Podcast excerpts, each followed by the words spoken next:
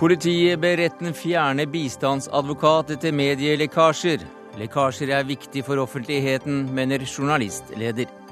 Anders Behring Breivik tvinges til psykiatrisk observasjon.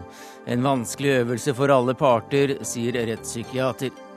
Mediene utfører karakterdrap på Helge Solum Larsen, mener hans advokat. Av og til ønsker man bare at pressen ikke fantes, sier Morgenbladets redaktør. Og programmet Ingen grenser er et freakshow, mener stiftelsen Stopp diskrimineringen. Provoserende uttalelse, svarer NRK.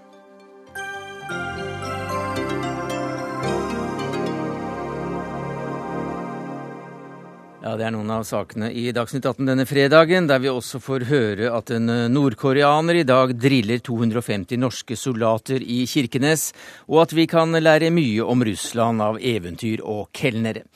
Men vi starter med at politiet altså ber retten tilbakekalle oppnevnelsen av en bistandsadvokat. Hans Halvorsen, visepolitimester i Oslo, hvorfor gjør dere dette?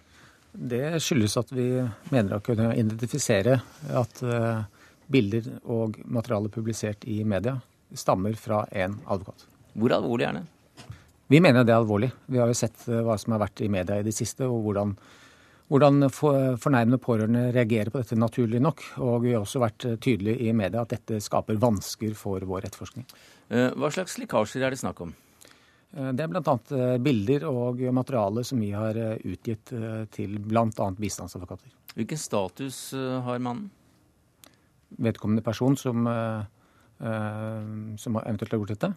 Eh, saken er oversendt til Asker og Bærum politidistrikt for nærmere etterforskning. Er han mistenkt? Er det en status? Så vidt jeg vet, så har vedkommende vært i avhør, bl.a. Hvor fant dere fram til denne personen?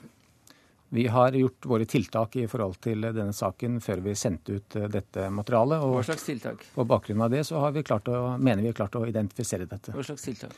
Det er tiltak som er gjort konkret i materialet som er sånn. Naturlig nok så vil jeg ikke si alt om dette nå. Dette er en metode som eh, vi har eh, prøvd å holde for oss selv. Jo, men allikevel, dere skriver i en pressemelding her, og der står det at uh, før dokumentene ble utlevert, så ble det gjort tiltak for å kunne identifisere kilden til eventuelle lekkasjer.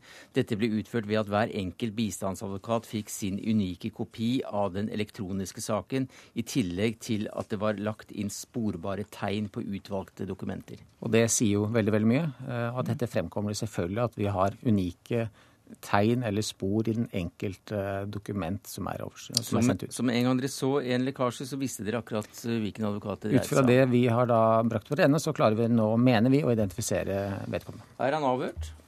Eh, så vidt jeg vet, så er han vedkommende avhørt i dag. Er det viktig at det bare er én advokat? Jeg vet ikke hvor mange, mange, det er. Det jeg kan konstatere, er at vi mener å kunne spore dette tilbake til en, en advokat. Eh, det syns jeg faktisk er veldig bra for alle oss andre som har vært eh, stilt i, i mistenksomhetens lys. Både forsvarer, politi og ikke minst alle de andre bistandsadvokatene. Det må være bra for alle at vi klarer å identifisere hvem som eventuelt er kilden til slike, eh, slike avsløringer. Ja, eh, apropos, har dere etterforsket om politiet har lekket informasjon i denne saken? Det er en sak som er hos Spesialenheten. Så den etterforskes? Det er fremdeles ganggående etterforskning i, i, forhold til det. Vi vil ha slutt på disse lekkasjene.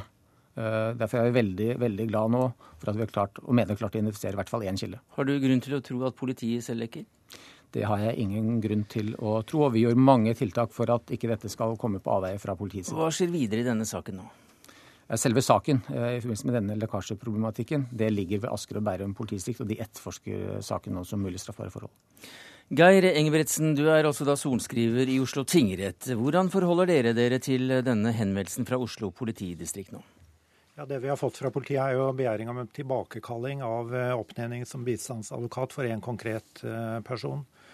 Eh, vi har forelagt den begjæringen for vedkommende advokat og gitt frist på noen dager. Og vil deretter behandle denne, dette spørsmålet om tilbakekall av denne oppnevningen. Hva betyr det? Ja, det betyr jo i praksis da, at tingretten må vurdere om vedkommende skal være bistandsadvokat eh, fremover, eller om eh, vedkommendes eh, klienter må finne må finne en annen bistandsadvokat. Siv Hallgren, du er koordinerende bistandsadvokat. og Hvordan reagerer du på dette? Jeg reagerer på mange måter på likt som politiet gjør. Jeg er glad for at man har eh, klart å finne ut av dette, hvis det er slik det forholder seg. Eh, det har vært spekulert på i hvor disse lekkasjene har kommet fra. og Hva tenker du da som representant for bistandsadvokatene at det nå ser ut da, til å være en, deres, en, i deres rekker? Ja, jeg tror det er riktig som du presiserer at det ser ut til å være slik. Mm. Eh, men, eh, og jeg tenker at det er bra at man har klart å identifisere dette. men eh, og jeg syns at det er veldig uheldig, naturligvis, at, har, eh, at det er sånn. Thomas Benz, nestleder i Norsk Journalistlag. Hvordan reagerer du på dette? Vi kjenner jo ikke denne saken mer enn det som blir sagt her. Men eh, vil samtidig fremføre det synspunkt og standpunkt at det er veldig viktig å ikke drive enhver form for jakt på kilder som bidrar med informasjon på et så viktig tema som dette. Eh, dette dreier seg om en sak som var et angrep på demokratiet, et angrep på Norge, og som både politi, rettsapparat og til slutt Stortinget skal gjennomgå for å se hvordan det norske samfunnet forberedte seg, var i stand til å håndtere en slik situasjon. Og til å overvåke at de prosessene går riktig for seg, så trenger en en fri og uavhengig presse. Så det er klart at for pressen den har en annen samfunnsrolle enn det politi og påtalemyndighet har. Og det er ikke slik at fordi om dette skaper ubehag for politiet, at det nødvendigvis er galt for samfunnet, for hele offentligheten som har sterke interesser i denne saken. Det må du utdype. Dette er en sak som, hvor politiet også i høyeste grad vil komme i søkelyset på hva som var gjort eller ikke gjort forut for selve terrorhendelsen. Og det er klart at Pressen må, uavhengig av det som politiet til enhver tid eh, etterforsker, drive sin egen overvåkning også av politiets arbeid. Her dreier det seg både om politi, om psykiatri nå, men det dreier seg også om at pressen skal være fri og kritisk 24 timer i døgnet, 365 dager i året. Ikke bare når politiet og domstolen er ferdig med sin behandling. Så det du sier, det, hvis jeg leser deg riktig her, eh, om litt mellom linjene, så mener du at slike lekkasjer kan være veldig nyttig for offentligheten? Altså Historien er jo full av eksempler på at det er blitt avslørt krigsforbrytelser, tortur, maktmisbruk, korrupsjon, hva det skulle være, fordi noen har tatt den belastningen eller ikke turde stå fram offentlig, og slik sett har lekket til frie medier.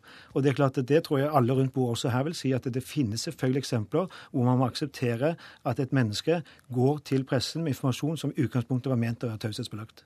Men det, men det, er jo ikke slik at dette er ubehagelig for politiet at dette kommer ut. Altså, jeg syns man skal tenke seg på alle de fornærmede som har fått altså brettet ut til dels personlige ting i media, og som føler naturligvis dette meget meget ubehagelig. Det må vi ha forståelse for. Det håper jeg altså at pressen ser. At man har et etisk regelverk også i pressen som ivaretar disse synspunktene. Så det er ikke snakk om at dette skal være ubehagelig for politiet at det ikke fremkommer. Dette skader etterforskningen. og det er jeg helt sikker på at pressen heller ikke har noen intensjon om å skade etterforskningen på noen som helst måte. Men her er det faktisk viktig å tenke på hva man gjør når man sitter med dette materialet.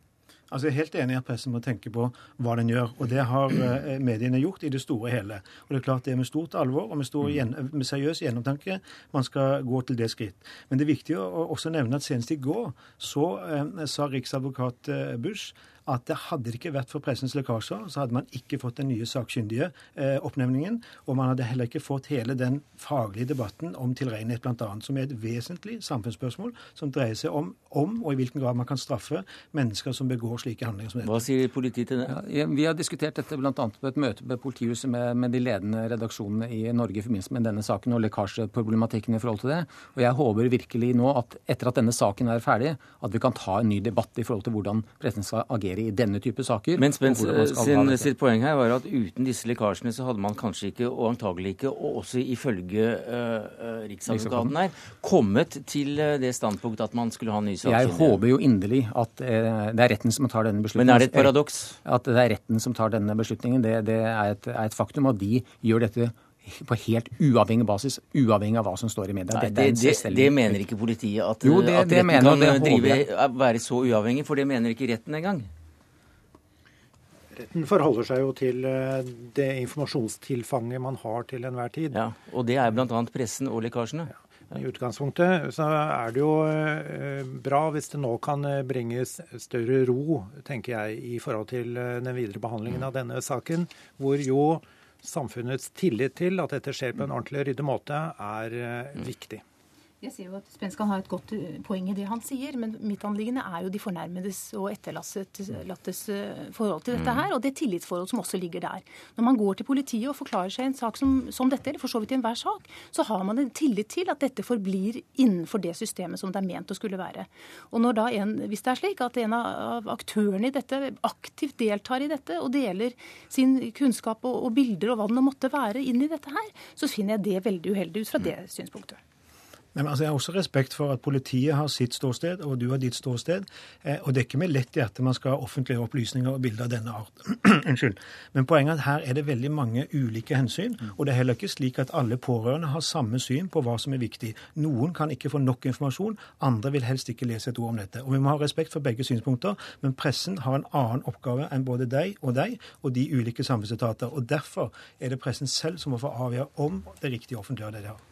Men rent konkret så er det slik altså at flere vitner har tatt kontakt med og sier at de stiller spørsmålstegn med hvordan dette vil innvirke på deres syn på rettspleien og politiet. De stiller noen spørsmålstegn i og med at det de sier til politiet, til dels veldig personlige opplysninger, kommer i media eller leser avisene ganske kort tid etterpå. Det er som, som bistandsadvokatene sier, det er et paradoks. Og det er det jeg håper vi i etterkant nå kan drøfte, drøfte med både mm. Journalistlaget og, og redaksjonen. For å si, hvordan skal vi, skal vi, gjøre dette? For ingen er jo tjent med mm. at vi får et dårlig tillit. Jeg tror vi kan være enige om én ting, eh, visepolitimester i Oslo Hans Halvorsen. Og det er at eh, du som visepolitimester, Geir Engebretsen som sorenskriver i Oslo tingrett, Siv Hallgren som koordinerende bistandsadvokat og Thomas Benz som nestleder i Norsk Journalistlag, dere har helt forskjellige roller her.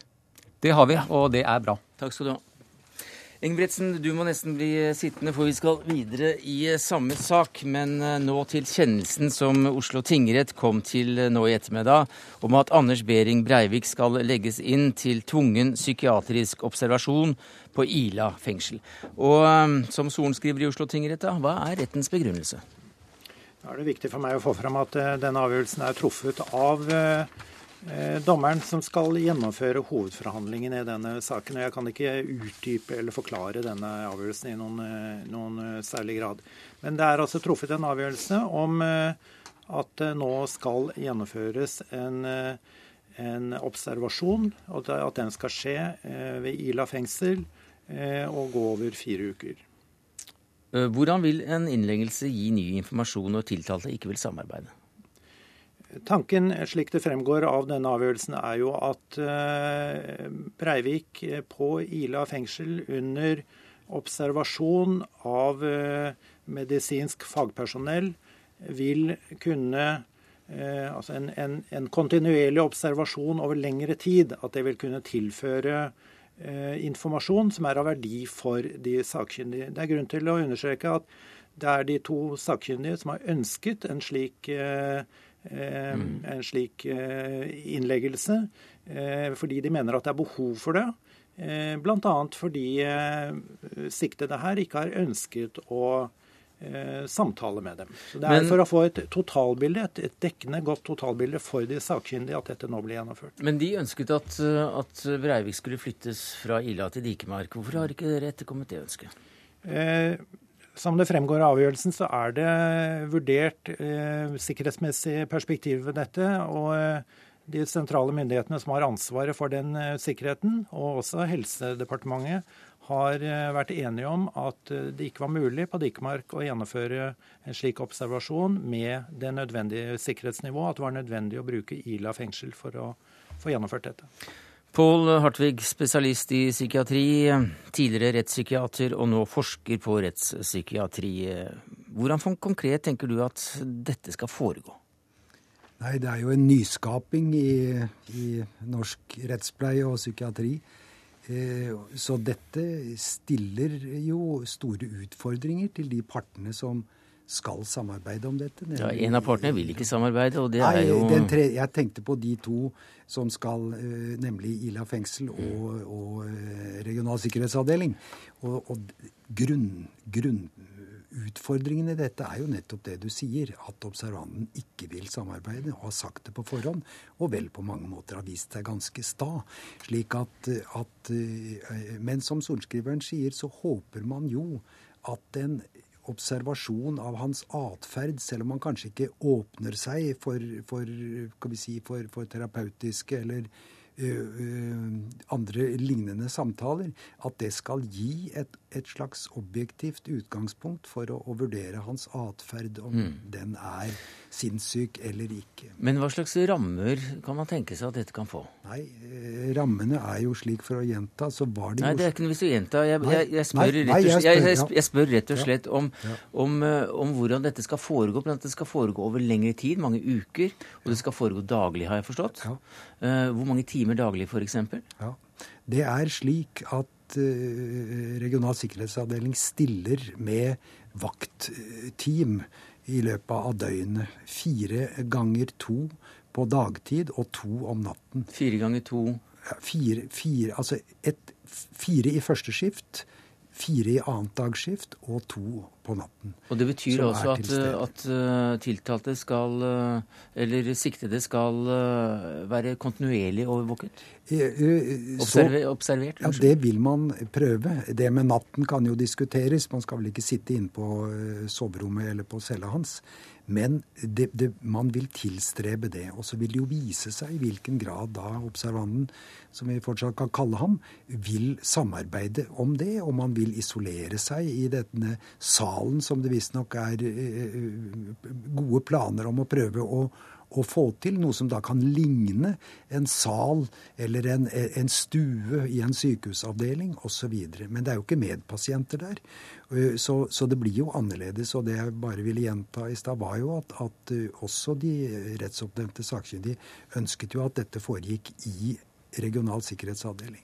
Imidlertid så er det slik ja, ja, som, som, som, betyr på På Ila. Nei, nei, nei, på, på, Dikemark. på, Dikemark. Og da i, slik at de kunne observere, observere han i, i, samhandling med andre? Ja, på, i større grad iallfall. Selv det var jo Men man må forstå den store sikkerhetsmessige utfordringen. Og det er noe Regional sikkerhetsavdeling på Dikemark bøyer seg fullt for, den avgjørelsen. Mm. Så det er i utgangspunktet 24 timers observasjon?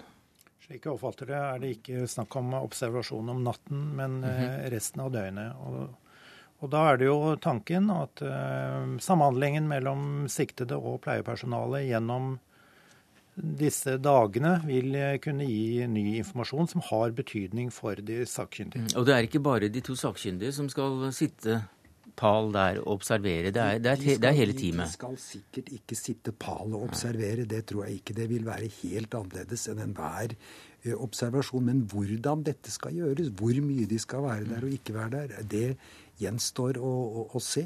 Dessuten er det i teamet fra Dikemark så er det to psykiatere som delvis skal eh, ambulere ved å være til stede noe av den tiden for å være med Eh, pleiepersonalet og gi god, et, et, et, godt inntyg eh, til de to rettsoppnevnte sakkyndige. Hva tenker du om det materialet som da kommer fram etter var det tre uker? Fire uker. Fire uker. Hva slags materiale er det de får disse sakkyndige til å, å, forholde seg til, i forhold til de to andre sakkyndige som altså eh, fikk lov å, å, å, snakke med han og gjorde det i, var det over, i over 30 timer? I verste fall lite tillegg, får man si. Et slags Sisyfos-arbeid, som imidlertid kanskje kan bli eh, mer vellykket enn man frykter. Kanskje kan bli mer vellykket enn man frykter. Men hva vil dette gjøre med troverdigheten? Dette regimet gjøre med troverdigheten til den eh, slutningen som de nye sakkyndige kommer til, i forhold til hva de gamle kom til? Nei, det er også et uh, spørsmål. Nå leser Som jeg har stilt deg. Ja, og de leser jo eh, den opprinnelige eh, erklæringen veldig godt og tar stilling til formuleringer der osv. Og, så videre, og stiller spørsmål ved grunnlaget for dette. Mm. Men, men, det er riktig at uten at jokeren medvirker i dette, nemlig Breivik, så er det vanskelig. Når skal dere i gang med dette? Det skal gjennomføres i løpet av mars, ifølge denne avgjørelsen. Mm. Takk skal du ha, Pål Hartvig, spesialist i psykiatri, tidligere rettspsykiater og forsker på rettspsykiatri, til Geir Engebretsen, sorenskriver i Oslo tingrett.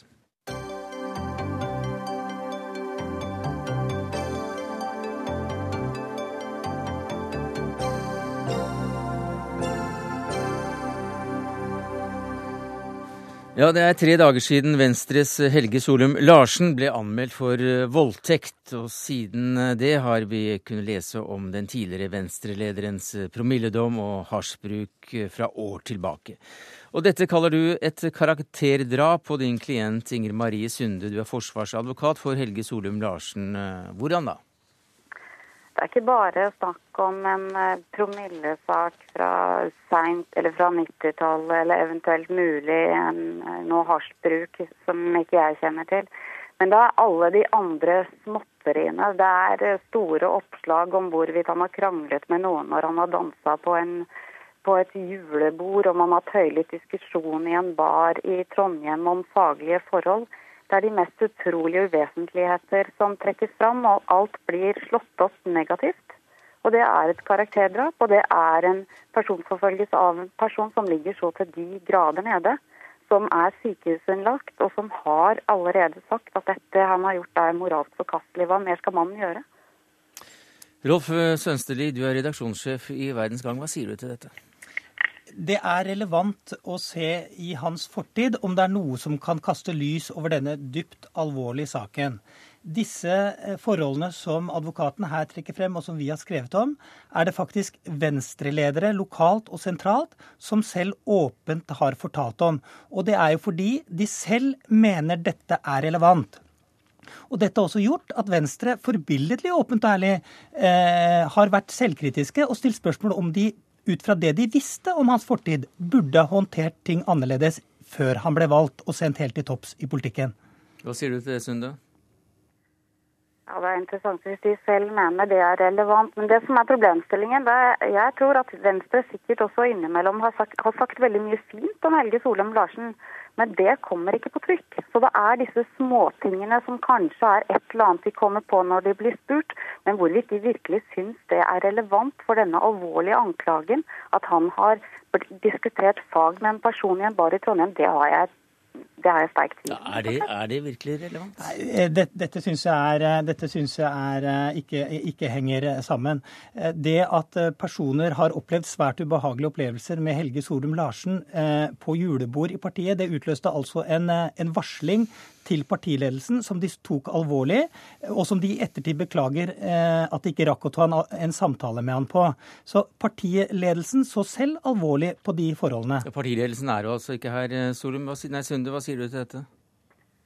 Jeg bare merker meg hva VG selv eh, har sitert vedrørende det, at dette handlet ikke om noen seksuelle krenkelser i det hele tatt. Så jeg skjønner at det er journalistisk interessant for VG, som skriver mange sider, men for denne saken har jeg tvil om det er interessant i det hele tatt. Alf Ander Hagen, du er sjefredaktør i Morgenbladet, og på lederplass så skriver du eh, denne uka om Helge Solum Larsen-saken. Jeg siterer av og til ønsker man bare at pressen ikke fantes. Hva mener du med det? Jeg jobber jo i pressen, så jeg er glad for at pressen fantes. Dette var en replikk som falt i vår uh, redaksjon. Et utbrudd. Vil dere holde opp med det der?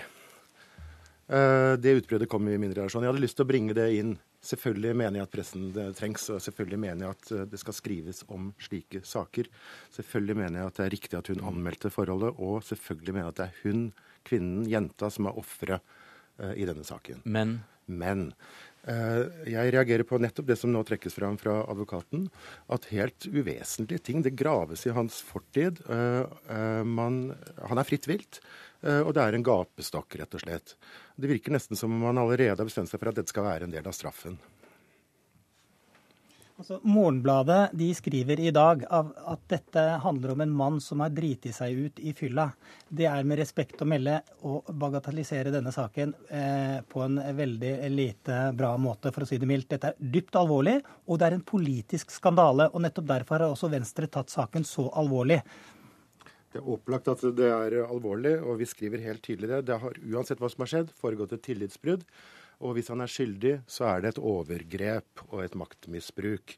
Uh, mannen er over dobbelt så gammel som jenta. Men i det trykket som har vært, særlig fra lokalpresten, vil jeg nesten si, hvor disse tingene har blitt brakt uh, videre uh, først, så mener jeg at pressen også skal stille spørsmålstegn med hva som er relevant å bringe videre, selv om lokalpolitikere politikere kommer frem alltid. De går jo i seg selv, og de er, de er fortvilt eh, og prøver å finne ut hva kan være grunnen til at han oppfører seg sånn. Jeg vil altså at fortvilelsen på vegne av den potensielle overgriperen også skal komme fram. Jeg er enig, han ligger også nede.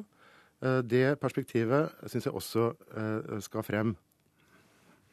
Eh, Solum Larsen er altså en eh, ansvarlig, godt voksen toppolitiker helt i ledelsen av et eh, rikspolitisk parti, som altså har hatt sex med en 17 år gammel jente på et partiarrangement. Det er ytterst, ytterst alvorlig. Og han har en historie da, som gjør at partiledelsen selv, hver gang man har sendt han oppover i, i, i hierarkiet, har hatt samtaler med han om dette. Ikke om dette om, hans, eh, om episoder eh, som har vært i hans fortid, bl.a. knyttet til eh, hvordan han reagerer på alkohol.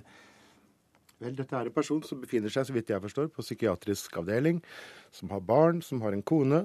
Eh, jeg tillater meg da å minne meg selv på, og leserne våre, på pressens eh, egen Vær varsom-plakat. For det står at vi skal være varsomme med å bruke navn og bilder på personer som omtales i forbindelse med klanderverdige eller, eller straffbare forhold. At vi særlig skal være det i eh, begynnelsen av en etterforskning. Unngå forhåndsdømming. Eh, man skal definitivt eh, være, være, eller ta disse tingene svært svært alvorlig. Men unngå forhåndsdømming står også i, eh, i retningslinjene for den virksomheten alle vi journalister skal drive. og Det går ganske langt da også her nå ved å forhåndsdømme. Vi har ikke forhåndsdømt. Eh, uansett om dette, er, om dette er voldtekt eller ikke voldtekt, så har jo Solum Larsen begått en handling som er et grovt, grovt overtramp. Og det er å misbruke sin tillit og sin posisjon. Det tror jeg han vet inderlig vel. Eh, så vidt jeg forstår, så vet han at det han har gjort, hva han nå enn har gjort, er forkastelig.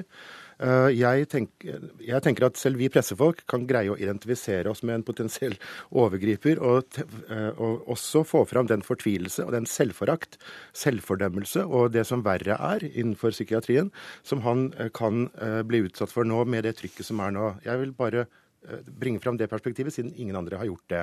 Men uh, Alfander Hagen, du er ikke vel opptatt av den siktede, å ta han i forsvar i forhold til offeret her? Det er som jeg, som jeg, også har innledet med å skrive i uh, artikkelen. Uh, det er henne som, er, uh, som det er synd på her. Men det, det, ser vi jo alle. Det vet vi jo. Det er vår, vår første reaksjon er jo å ha sympati med jenta. Det er først når dette presset kommer, og vi ser hvordan mediene eller vi medier, da, går i flokk igjen, at jeg syns at for balansens skyld så er det faktisk viktig å minne om at det er et menneske også på den andre siden her. Sunde? Ja, det var lett å være eh, enig med Alf Sander Hagen der. Det er viktig å huske at det er et menneske på den andre siden. Eh, Helge Solum Larsen er et menneske. Det er viktig å huske at eh, det har skjedd episoder tidligere med, med politikere, med andre som har vært utsatt, og som har kommet i en psykisk vanskelig situasjon, og som ikke har sett en annen utvei enn noe helt dramatisk. Så det er fornuftig å tenke på det, selv om en selvfølgelig også eh, gjør det som Venstre har gjort med hensyn til at eh, de tok vare på kvinnen og gjorde de rette tingene der i utgangspunktet. Det er det ingen som kan kritisere dem for. Vi skal, eh, vi skal, eh, ta hensyn og vi skal være veldig observante på hans situasjon. Men vi er nødt for å drive en, en kritisk og ansvarlig journalistikk eh, på en sak som handler om en ansvarlig toppolitiker eh, sine svært grove handlinger. Inger Marie Sunde, har du vært i kontakt med din klient i dag? Det har jeg. Eh, når vil han la seg avhøre? Eh, han har latt seg avhøre i dag. Takk skal du ha, Inger Marie Sunde, forsvarsadvokat for Helge Solum Larsen. Takk til deg, Rolf Sønsteli, redaksjonssjef i eh, VG, og til Alf Handler Hagen, sjefredaktør i Morgenbladet. Takk skal Alle gode krefter må bidra i kampen mot hvitsnippkriminalitet. Petter Gottschalk, du er professor ved Institutt for ledelse og organisasjon ved Handelshøyskolen BI, og det er du som skriver dette i denne boka.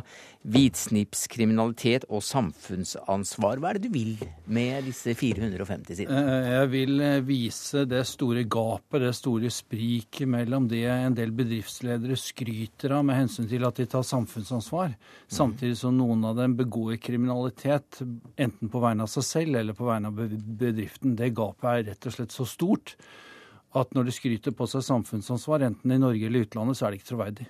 Fortell oss om dette gapet. Nei, dette Gapet dreier seg om at man på ene siden sier vi tar samfunnsansvar for miljø, vi tar samfunnsansvar for, for, eh, for lokalsamfunnet. Men når det kommer til stykket, så tar man stort sett ikke samfunnsansvar. Jeg bruker et stort eksempel i boken som handler om eh, relasjonen mellom et stort norsk forsikringsselskap og en MC-klubb, hvor forsikringsselskapet ikke vil ta grep. På den ene siden og så skriver jeg om en rekke dømte hvitsnippforbrytere i Norge. Altså Vi bør ikke gå til USA for å finne white color crime. Det er jo masse å ta i Norge. Jeg har fulgt med nå i media i to år og kommet til over 200 navngitte hvitsnippdømte i Norge. Så det er ganske mye. Hvem er den typiske hvitsnippforbryter, eller hva er den typiske hvitsnippforbrytelsen? Altså, sånn som defineres i faget, så er det økonomisk kriminalitet. All slags økonomisk kriminalitet. Eh, Skatteunndragelser, eh, korrupsjon, hva som helst. Men det spesielle når vi sier hvitsnippkriminalitet, er en person som gjør det i kraft av sin stilling, posisjon, tillit han eller hun har fått, og som misbrukes. Så det er økonomisk kriminalitet, men det er misbruk av, av stilling som er poenget. Og gjerne en høyere stilling, for det heter jo ikke donger i uh, Nei, det heter hvitsnipp pga. Uh, symbolikken. Um, hvis du nå ser på, på, på de hvitsnippforbrytelsene som, som, du har gjennomgått uh, i det siste, er det noen fellesnevnere for, for personene? Nei, altså, og hvordan de ser på seg selv? Ja, det, det er det jo. Det, det, er jo Man skal ikke stille noen diagnose på sånn, den type personer, men det som, det som kjennetegner dem, er at de ofte er entreprenører. Altså de er i stand til å dra i gang ting, få i gang til. Og, og hvis de da Ofte glir de over i kriminalitet uten å merke det. Men når de da først, når de først begår kriminalitet, så er det ikke nødvendigvis bevisst i utgangspunktet. Men når de først begår kriminalitet, så bruker de noe vi kaller nøytraliseringsteknikker. Som innebærer at de egentlig ikke syns de har gjort noe galt. Nei. Vi ser det på veldig mange av disse kjente sakene, at de syns ikke de har gjort noe galt fordi at det er ikke noe offer. F.eks. hvis du dreper noen eller stjeler noe, så er det opplagt noen som er offer. Mens hvis du snyter på skatten, så er samfunnet offer, men du syns ikke synd på samfunnet. Sånn at selv etter å ha begynt med kriminaliteten, fakturasvindel, eh, skatteunndragelser, så syns de egentlig ikke de har gjort noe galt. Ja, Hvordan bortforklarer de um... Nei, De bortforklarer det ved hjelp av at det ikke er noe offer, at uh, noen av dem syns de er litt berettiget. Det er noen bruker uttrykk som shortcuts. Noen til og med hever seg over loven og sier det er loven som er noe galt. Jeg har ikke gjort noe galt. Mm. Så de bruker det som kalles eh, nøytraliseringsteknikker, som, som, gjør at de føler uskyld både før og etter en kriminell handling. Men så skriver du også at uh, Du skriver ikke at det, det, er ikke så rart at det skjer, men du skriver i hvert fall at uh, det jo forandrer seg hva som er Eh, lov og ikke lov innenfor disse feltene? Ja, det, det forandrer seg veldig. Så, så, og du trekker, trekker fram f.eks. innsidehandel? Ja, altså det er jo for tiden eh, veldig kriminelt. Mm. Og, og, veldig mye ressurser bruker politiet på det. Mm. Samtidig så, så syns jeg det er litt eh, rart, fordi at eh, aksjehandel dreier seg jo om å vite noe andre ikke vet. Og så er det plutselig satt en grense, tilfeldig grense. Hvis du vet noe innenfra, så er det ikke lov. Men hvis du vet det på andre måter, er det lov. Så, så, en litt eh, tvilsom spådom fra min side er jo at det kanskje en dag blir innsidehandel lovlig. Omvendt så finnes det eksempler på ting som har vært kriminelle. Måten man i muslimske systemer, noe som har sett av Havala, eh, hvordan man bytter fordringer, det var egentlig ulovlig i Norge fordi det det ikke gikk gjennom lovlige banker. Det er blitt lovlig etter at Økokrim og andre skjønte hvordan det faktisk foregikk. At det var helt greit, det er ikke kriminalitet. Du skriver også om strafferammene. Ja, eh, og strafferammene er for så vidt greie når det gjelder nivå. Problemet er det relative. Altså Gjennomsnittlig for disse over 200 som jeg har kartlagt, er to, vel to år. Og det høres ikke mye ut, men, men, det er for så vidt i forhold til seksuelle overgrep en del andre ting, så, så er det omtrent riktig. Men så finnes det enkelte ting som er utrolig høye strafferammer på, sånn som narkotikasmugling f.eks., som ofte er over ti år. Så der ville jeg byttet. Altså sagt kanskje narkotikastraffer skal litt ned, mens, mens økonomisk kriminalitet skal opp. Så det er, det er, det relative som er litt rart i Norge. Og Hvis du ser det relative, hvordan ser dette ut i forhold til USA? Nei, der ligger vi jo veldig lavt. Der ligger vi jo veldig lavt. Altså, det er jo sånn at uh, Hvis vi hadde hatt de samme strafferammene som i USA, så hadde vi jo hatt ti ganger så mange innsatte. Vi har i Norge 4000 innsatte. Vi ville hatt 40 000 i fengsel til enhver tid. Sånn at uh, når Maddow får 75 år, så er for, for, for, for, ganske store beløp, men allikevel, det, det er han eh, som har gjort det. 75 års, dømt til 75 års fengsel, så er det altså det høyeste tallet vi har hatt i Norge, er ti år. Mm, så han ville fått 7,5 år ca., ja. skriver det. Eh, men eh, USA har også da en annen måte å oppfordre til, til det, ikke det de kaller tystere, men til varslere. Ja, og, og der, De varslere håndteres jo veldig klønete og dårlig i Norge i dag. Eh, det er stort sett eh, varslere når de står frem, så ikke bare syns de har hatt det vanskelig etterpå, men eh, noen av dem sier at de angrer på at de i det hele tatt varslet. I USA er det veldig annerledes. Der får du faktisk en status ved at, eh, ved at, du har vært med på å avsløre noe. Og du kan få en premie hvis f.eks. skattemyndighetene klarer å inndra 100 millioner, så får du 10% 10 millioner. Ja. Ikke at jeg foreslår at vi i Norge skal få det, men jeg syns f.eks. det hadde vært kjempefint hvis, hvis, en eller annen varsler ble kommandør av St. Olavs orden eller, eller ridder av St. Olavs orden, markere at dette er personer vi setter pris på. I dag så har uh, kongen eh, delt ut uh, fortjenestemedaljer til folk som er, senere er dømt for hvitsnippforbrytelser. Ja, det, det, var en glipp. Det var jo Ivar T. Henriksen i, i, i Vannverket. Han angrer nok på det, kongen. Men du foreslår altså at han isteden kan Ja. De som varsler isteden, kan få sånne utmerkelser. Takk skal du ha, Petter Gottschalk, forfatteren av 'Hvitsnippkriminalitet og samfunnsansvar'.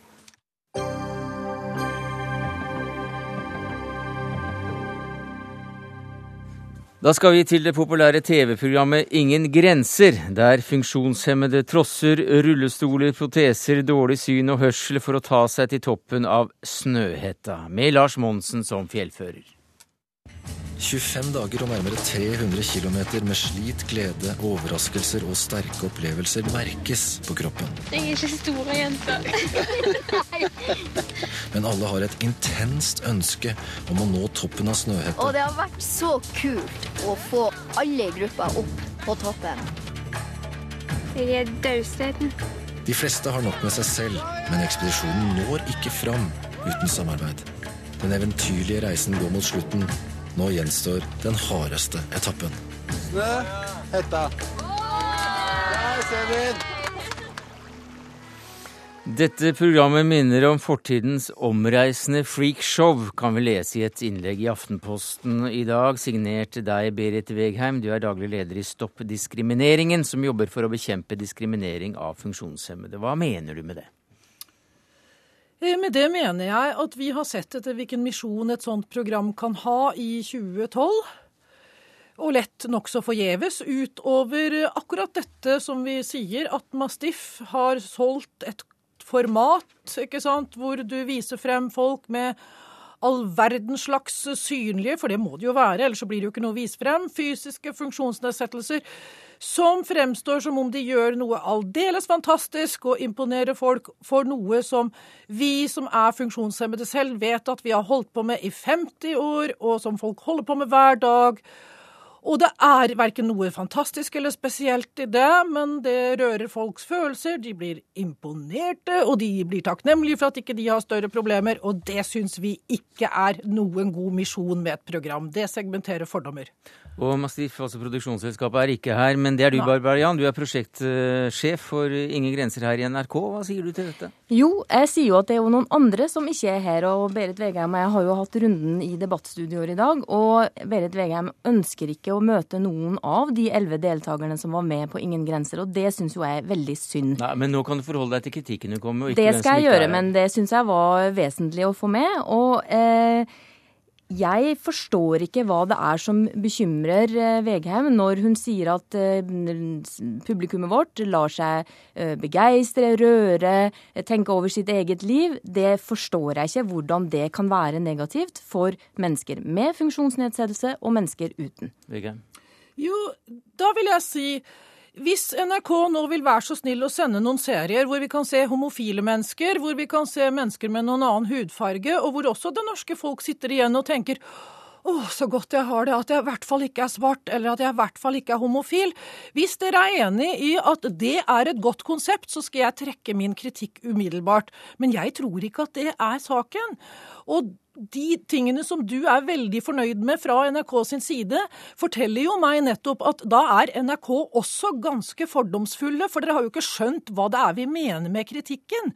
Nei, og det skjønner jeg fortsatt Nei, ikke. Nei, og det bekymrer oss som jobber mot diskriminering, og vi har jo også vært veldig opptatt av at altså, NRK gjør faktisk ikke stort for å synliggjøre mangfoldet i befolkningen hvor funksjonshemmede med fysiske kjennetegn er inkludert. Hvilke er programledere, hvilke er journalister i NRK? Hvor er vi i alle debattene om mobbing og hatkriminalitet?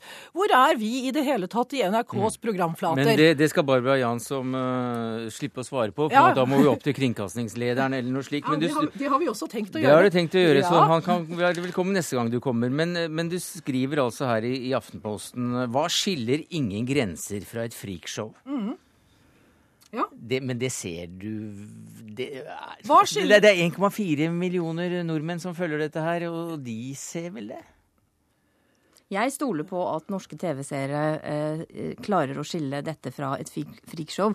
Og jeg tenker, hva er freak med å se noen som må samarbeide. Hva er freak med å høre en 22-åring i rullestol som har planer om å bli minister? Hva er freak med å se en som er blind som rir aleine i fjellet? Hva er freak med å se en som er kortvokst, som mm.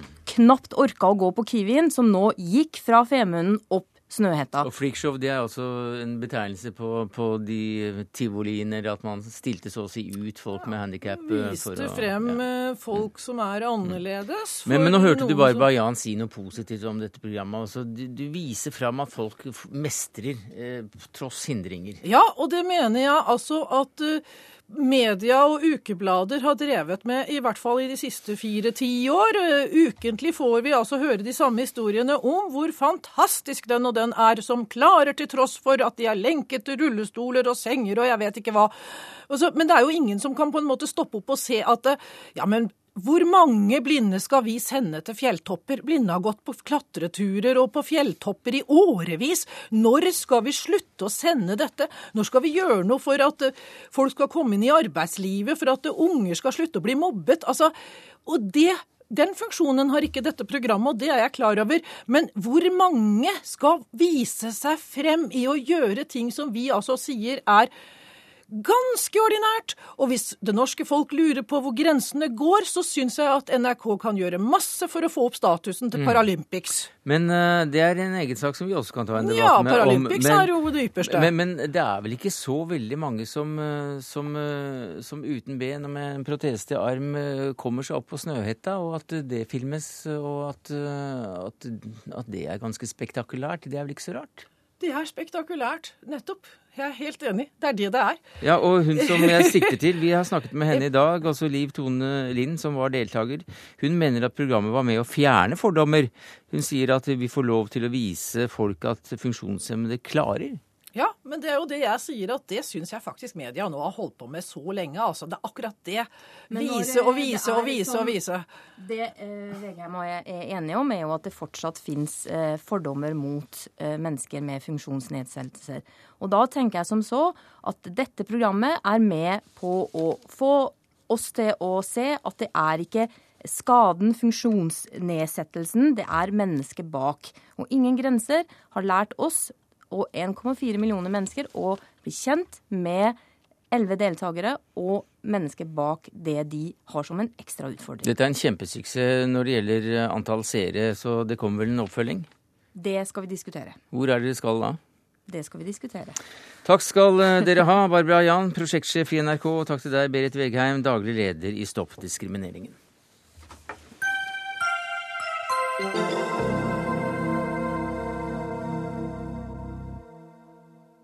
I løpet av en eh, liten uke har nesten én million mennesker sett fem nordkoreanere spille a-has verdenshit på trekkspill på YouTube.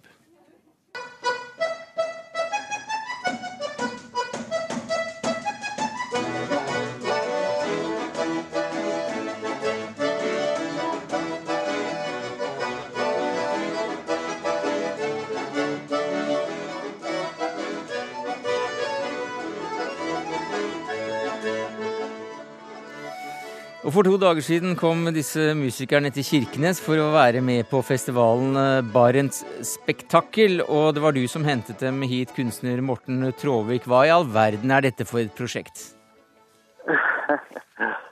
ja, det kan du si. Det er først og fremst et prosjekt som handler om uh, å uh, åpne perspektiver. Og å åpne perspektiver i begge retninger. Både i koreansk retning og i ikke minst i vår retning. Ja, Hvordan da? Ved å sammenføre eh, forskjellige, forskjellige uttrykk og forskjellige kulturer som ingen trodde kunne sammenføres.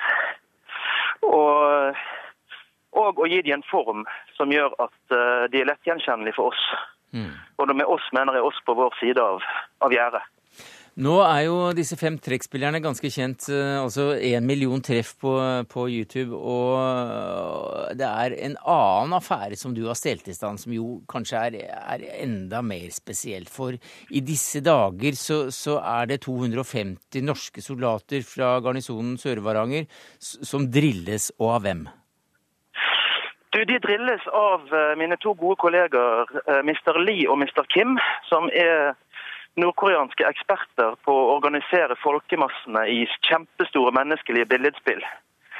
Eh, Så hver, hver deltaker blir som en liten liten piksel i et gigantisk bilde som består av mennesker som åpner og lukker fargede kataloger.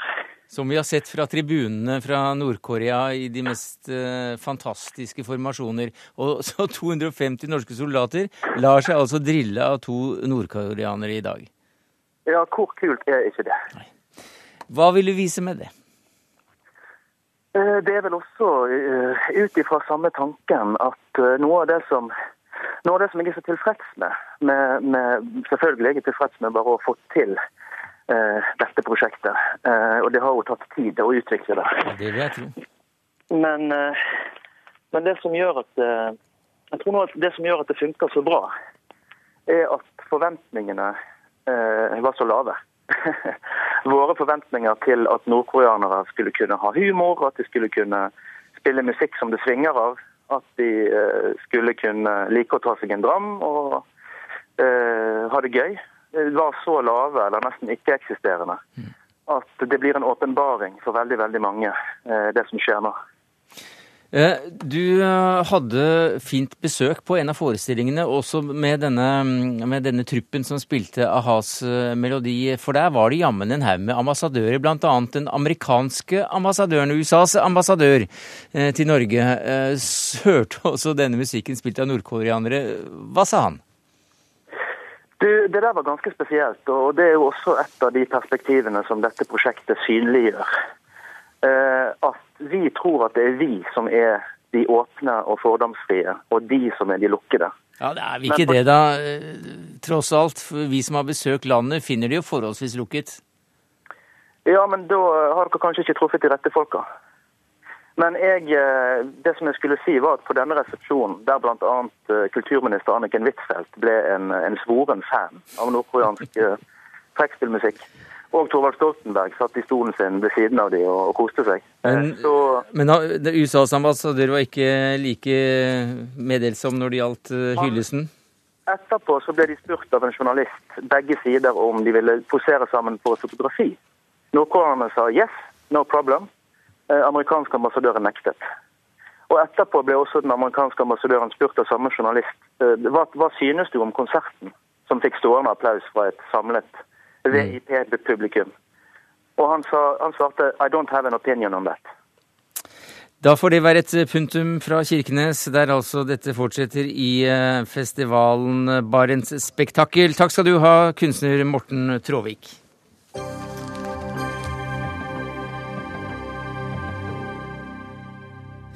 Hvorfor bruker engelske dommere parykker, Petter Normann Våge? Noen eh, overleveringer ville ha det til at det kommer av eh, at syfilis var så utbredt så folk mistet håret, men de har da sin konservative natur tro fortsatt å bruke parykker. Og du har valgt eh, å stille akkurat dette spørsmålet eh, som en begynnelse på denne boka di. 'Russland er sitt eget land', heter den. En videreføring av 'Russland er et annet land', som kom for drøye 20 år siden. Eh, hvorfor valgte du å stille det spørsmålet som en innledning her? Jeg valgte det for å vise at eh, ting for det første ofte kan ha rare årsaker. Og for det annet at det som vi syns er helt normalt, og ikke reflekterer over, også kan være ganske rart. Det er jo gjerne slik at når man ser på Russland, så eh, syns man at mye der er rart. Men hvis russerne ser på oss, syns de også at det er mye her som er rart. Og jeg prøver på en måte å løfte frem eh, både Norge og Russland, altså som eh, egne steder. Selvfølgelig boken handler om Russland, men Man kan ikke forstå noe annet, den andre eller de andre, uten å prøve å kaste et blikk på seg selv. Og det prøver du Altså du prøver å få oss til å forstå Russland, eller det russiske, eller russerne, eh, ved å gå tilbake og gi oss nøkler via sagn, eventyr, diktning, ja. historier eh, og, og møte med kelnere. Ja. Hvorfor gjør du det? det? Jo, altså det er vel der det som er russisk kommer frem, er det ikke det da? Altså det vil jo eh, Ofte vi går til eventyrene for å fortelle om hvordan nordmenn er. Mm. Og man kan altså Man får jo ikke vite noe særlig om nordmenn av kelnere lenger, for det er bare svensker her i, i Norge, men kanskje det også er et poeng? Ja, Kanskje hvis du spør svensker, så kan de gi oss et uh, godt svar på hvordan nordmenn er. Ganske sikkert. Men også for eksempel denne forskjellen mellom Espen Askeladd Eh, og hans russiske tremenning Ivan. Mm -hmm. Hva er forskjellen her? som du jo, kan altså Espen er en luring, ikke sant? Ja. Han uh, utnytter alle ting. Han er en entreprenør som uh, på en måte snubler over en kråke og får uh, nytte av den. og han hjelper. Og så hjelper han andre. Mens Ivan han sitter bare på ovnen og gjør ingenting. I og for seg sånn som Espen også når han begynner. Men Ivan kjennetegnes ved at han er så utrolig lat veldig snørrete. Og vil ikke gjøre noen ting. 'Å, jeg er så lat, så lat', sier han. Og så kommer alt dettende ned på ham. Altså, han gjør Han forsøker ikke å gjøre noe, men han eh, får tak i en, en fortrollet gjedde som oppfyller hans eh, ønsker, osv. Så sånt noe. Og han vinner. Alltid. Så han er en ekte helt? Eller han er en helt. Som klarer ja. seg. Uansett eh, hvor i verden så bommer du eh, som fremmed på noen av landets koder. Og, og, du har eh, i din bok noen eksempler for at du kan komme til Russland med en bukett med, med gule blomster, ti i tallet, går plystrende opp trappen, strekker hånden over dørstokken for å ta vertskap i hånden, nipper til vodkaen under den første velkomstdrinken, takker høflig nei til en porsjon til. Hva er det du har gjort da? Ja, da har du virkelig gjort noe dumt. Du skal aldri ha det skal aldri ha et eh, like antall blomster. Mm -hmm. Og eh, gule blomster er det, så vidt jeg husker, nå bare til begravelser. Og hvis du hilser over dørstokken, ja, så bringer du ulykke inn i familien. Og hvis du nipper til vodkaen, eh, første, første slurken ikke tar den rett ned, ja, det er også en uskikk. Virkelig. Og sier nei takk til en porsjon til, så liker du ikke maten. Så hvis du gjør noe sånt, så må du ikke bli forbløffet over at vertskapet ikke hilser på deg neste gang de treffer deg på gaten eller på jobben eller hvor det måtte være. Men mer alvorlig er da eh, disse, disse tunge trekkene eller strukturene som du eh, forklarer ut ifra at Russland hele tiden har vært i spenningsfeltet mellom Østen mm. Eh, og Vesten, mellom Vesten og, og, og det bysantinske. Hva slags innvirkning har det stort sett hatt på hele det russiske? Ja, har vi et par timer, eller? ja. Altså, Det er helt avgjørende, fordi at uh, kirketilknytningen uh, er på en måte den barnehave som den moderne kultur har gått i. Og det er stor forskjell på å være tilknyttet Østkirken og tilknyttet Vestkirken. Og dessuten i øst, altså hvor Russland fikk jo sin kristendom fra Bysants, der inngikk Kirken, for å si det enkelt, et slags partnerskap eller ekteskap med staten. Og det har fortsatt Det kaster et sakralt lys på staten ennå. Eh, og det har ført til f.eks. at eh, man har en vanskelig en forestilling av statsmakt som noe som blir delt mellom folk. Det ser jeg til og med nå. Så har jo Putin eh, tatt over, da. Eller kommer til å gjøre det. Fra Medvedev. Og ja, i det hele tatt, så hvis man skal forstå veldig mange av de trekkene som kjennetegner moderne Russland, så tror jeg man må gå tilbake til de historiske røttene. Og også da forklare hvorfor eh, den eh, vanlige russer ikke tror det er likhet for loven, og heller ikke på en måte skal være det. Nei, det kan du si. Altså, det er jo ikke likhet for loven, det er en, det er en empiri, det, i, i Russland. Men det er klart at det er en utbredt oppfatning at de som liksom står litt opp på strå, at de blir litt mer og mer sakrale, da. Ikke sant? At de, de fortjener det bedre. Er det derfor eh, det er så viktig for Putin å vise seg fram i eh, maskuline omgivelser som en, eh, som en hersker? Ja, nå har jo ikke herskerne i Russland alltid vært like på en måte macho. Tenk på Brezjnev på slutten, var ikke mhm. liksom den som Men det er klart, Putin han spiller en slik rolle, og han appellerer jo til visse trekk i den russiske befolkningen når han viser at han kan skyte en tiger og redde mennesker fra å bli tigermat og sånn. Og da viser han at han også kan herske? da viser han også, ja kan han herske. Ja. Han har last, som det heter, makt. å beherske liksom det, det feltet. Du skriver at historisk og kulturelt er russere ikke pluralister, men absolutister, nihilister og apokalyptikere. Ja. Altså, Det er veldig viktig å være klar over at det ikke snakker om enkelte russere. Det er trekk i kulturen. Og disse trekkene er heldigvis også under litt endring, men i all hovedsak så Altså hele historien deres er preget av det. De har liksom smelt fra side til side. Uh, og har vanskelig for å ha flere tanker i hodet på én gang. Det har også vært slik historisk at de europeiske ideene de har kommet én etter én mm. inn i Russland. Så de har på en måte ikke kunnet bryne seg mot hverandre, men de har på en måte hatt scenen for seg selv etter hverandre. Og nihilister, det er uh, et uh, kjent russisk trekk, som, særlig fra fra 1800-tallet. Eh, denne boka 'Russland er sitt eget sted'. Det er altså oppfølgeren av boka som kom eh, i, eh, i 1990. Noen måneder, altså da drøyt år før hele Sovjetunionen raknet. Den fikk følgende kritikk. Ved lesningen av denne bok er det som om himlene åpnes og leseren rykkes oppover av en uimotståelig makt til han blir hengende og dingle under himmelhvelvingen. Herfra skuer han ikke bare dypt og langt. Dette er et columbi-egg av en bok. Russland er et annet sted. Forfatteren heter Peter Nordmann Våge, og det er jammen skrevet i Aftenposten også. Ja, utrolig. Ja, Stakkars leser ja, som blir hengende opp i luften. Vel, vel. Men det var hyggelig. Det er et fint sted å være, antagelig, for eh, mange av de som også da kommer til å lese 'Russland er sitt eget sted'. Takk skal du ha, Peter Normann Våge, forfatteren på denne boka. Det var det vi rakk eh, denne fredagen, takket være ansvarlig for det hele, Karoline Rugeldal. Det tekniske ansvaret hadde Finn Lie. Jeg heter Sverre Tom Radøy.